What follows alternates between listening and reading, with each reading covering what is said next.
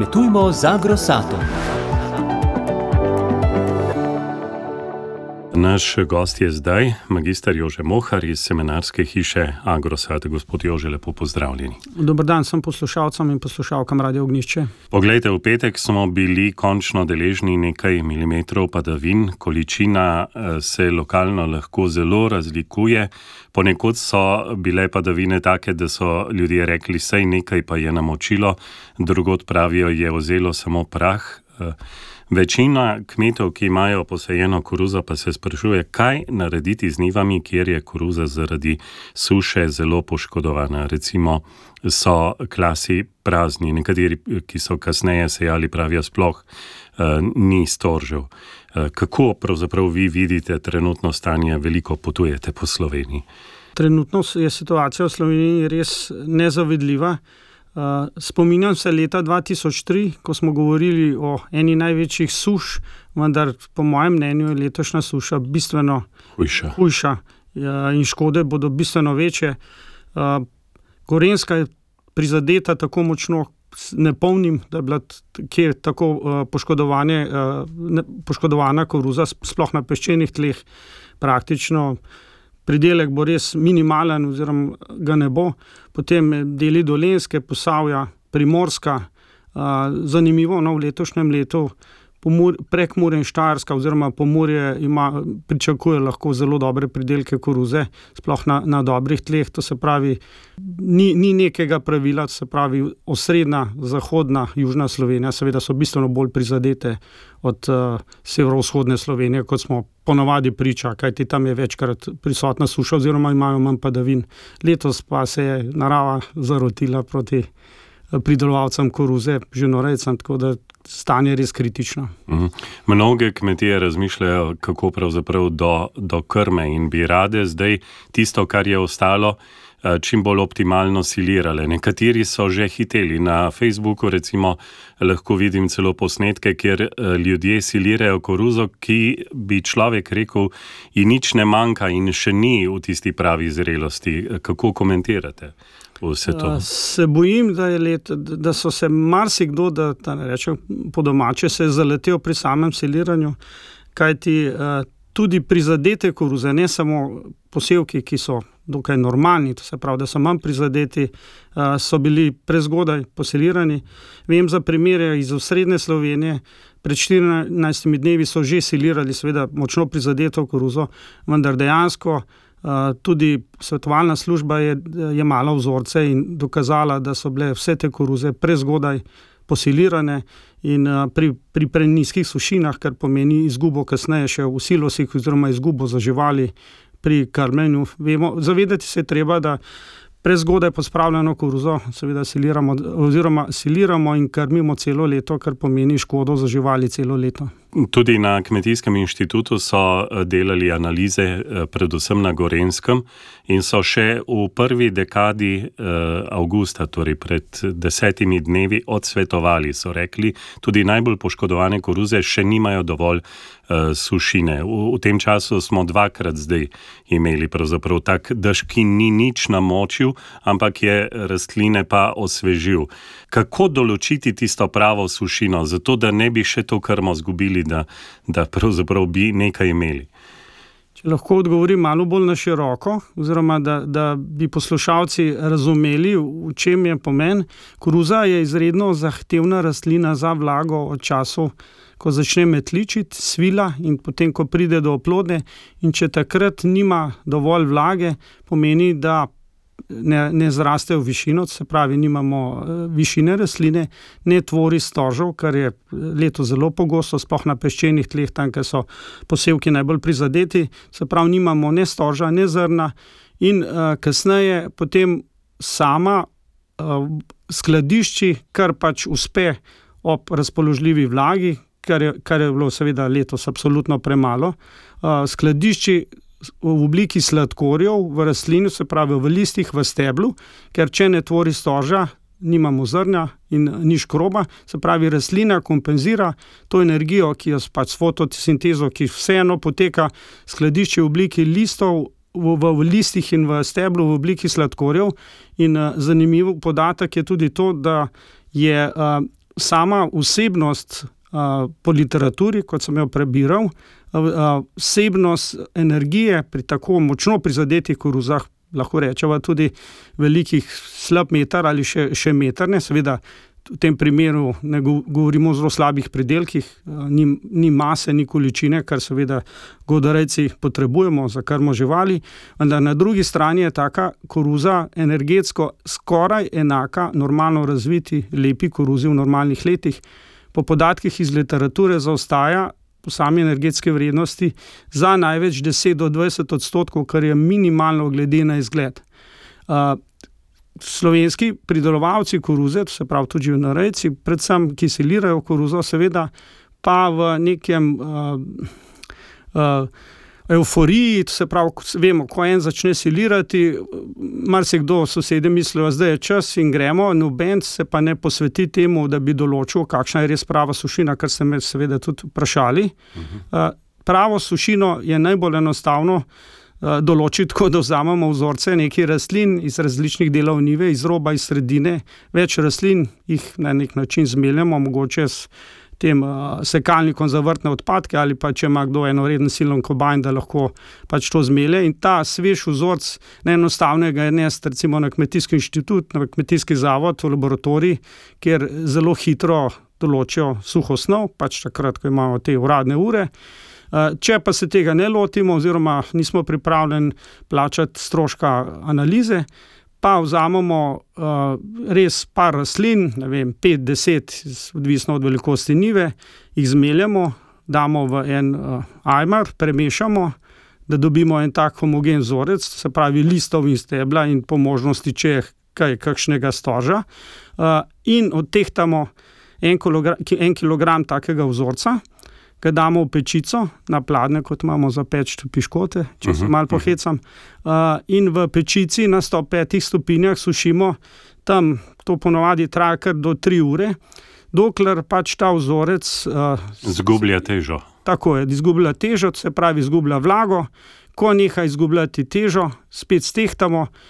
Izmerimo razliko, to se pravi, koliko se je usušilo, in kar ostane, praktično je že dejansko števila, je, je v bistvu že sušina, zdelimo in dobimo. Ne, če imamo recimo uh, tisoč gramski vzorec, rečemo, uh -huh. se 700 gramov suši, ostane še 300 gramov, in 300 gramov dejansko delimo z 10, avtomatsko že dobimo uh, sušino, ki jo ima tisti vzorec, ki smo, ki smo ga na svoji nivi vzeli. To je zelo tak enostaven način in zelo učinkovit. Ja, prav ta način sem videl tudi v slikovni obliki na vaši spletni strani agrosat.js in zato sem rekel, da vas bom vprašal. Se mi pa zdi, da ste zdaj odprli še eno vprašanje. Mnogi, ki imajo koruzo, ki je zelo poškodovana, tam do metra, recimo, eh, res so strašni pogledi na te nive. Eh, pravijo, sej se ne splača, da bi to pospravil, bom kar zmulčil in preoral. Eh, če vas prav razumem, eh, se splača pospraviti, čeprav je tako poškodovana in bo količina zelo majhna.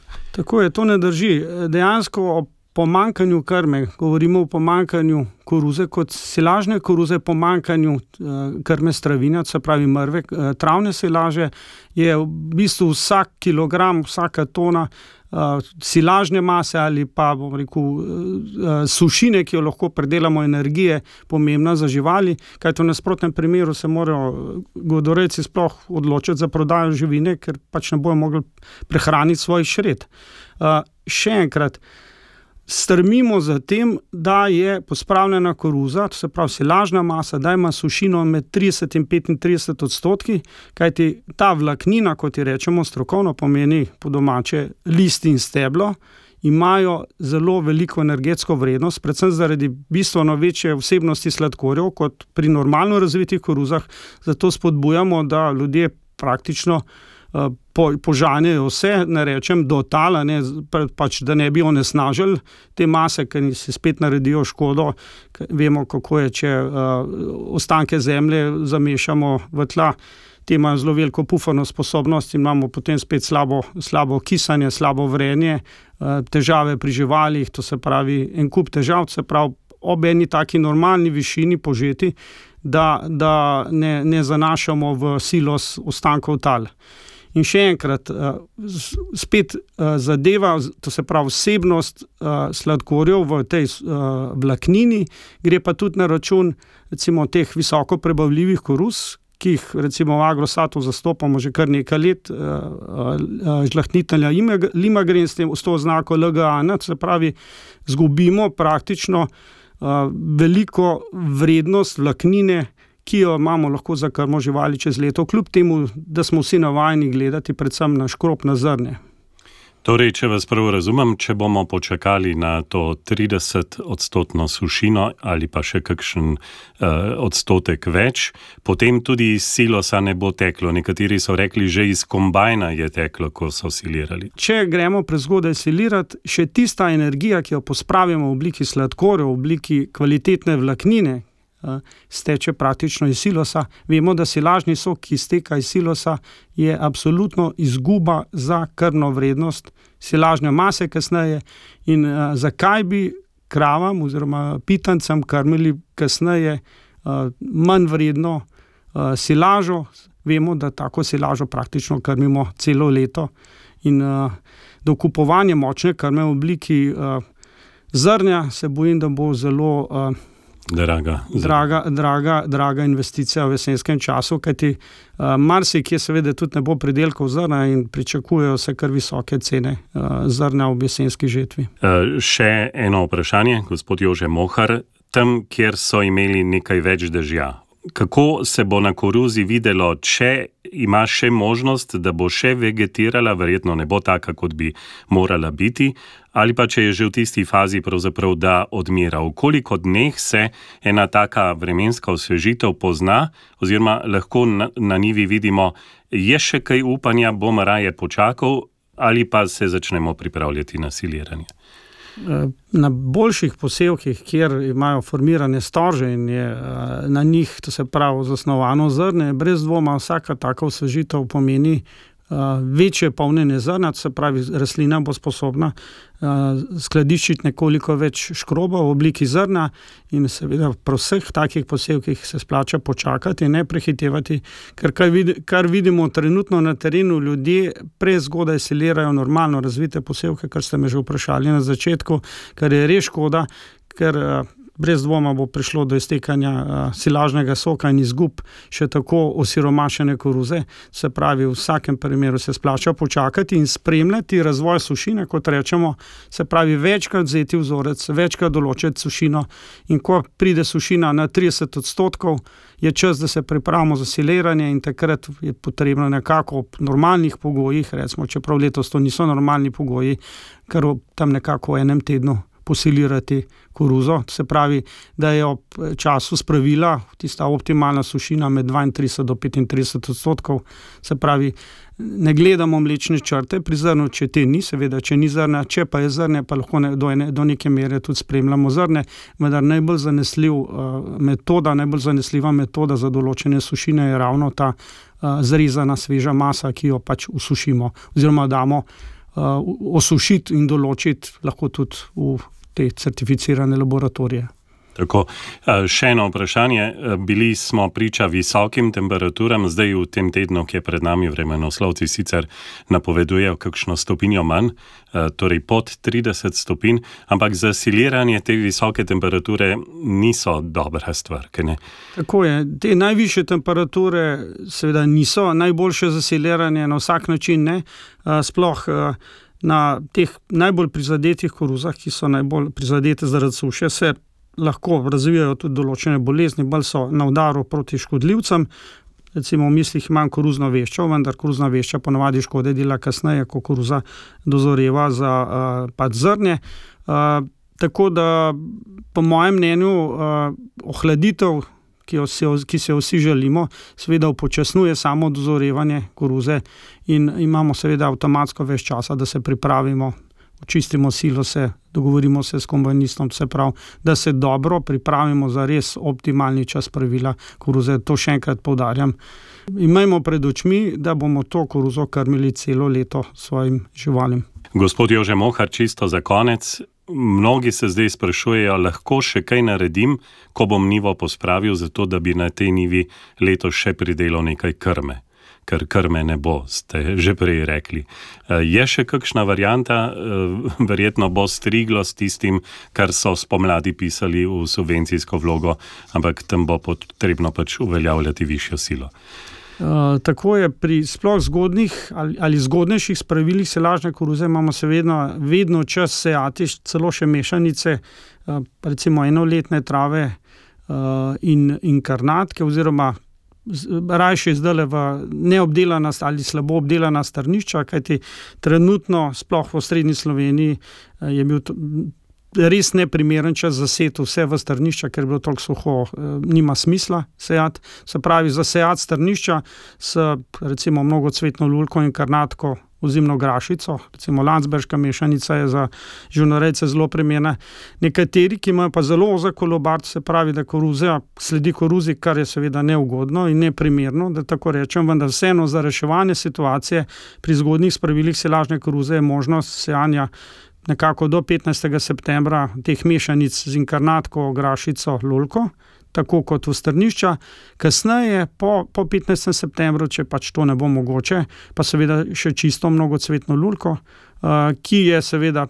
Najhitrejša spomladi in pri normalnih košnjah, se pravi konec aprila, začetek maja, nekako lahko dobra premustitev, kvalitetna krma, sploh za krave muznice oziroma pitance, se pravi dobra, dobra energetska trava, če tako rečem. Magister Jože Mohar, hvala lepa za obisk in za vse nasvete, ki ste jih delili z našimi poslušalkami in poslušalci. Hvala za povabilo v vašo kmetijsko oddajo in lepo nedeljo vsem poslušalcem in poslušalkam Radio Ognišče. Kmetujmo z agrosatom.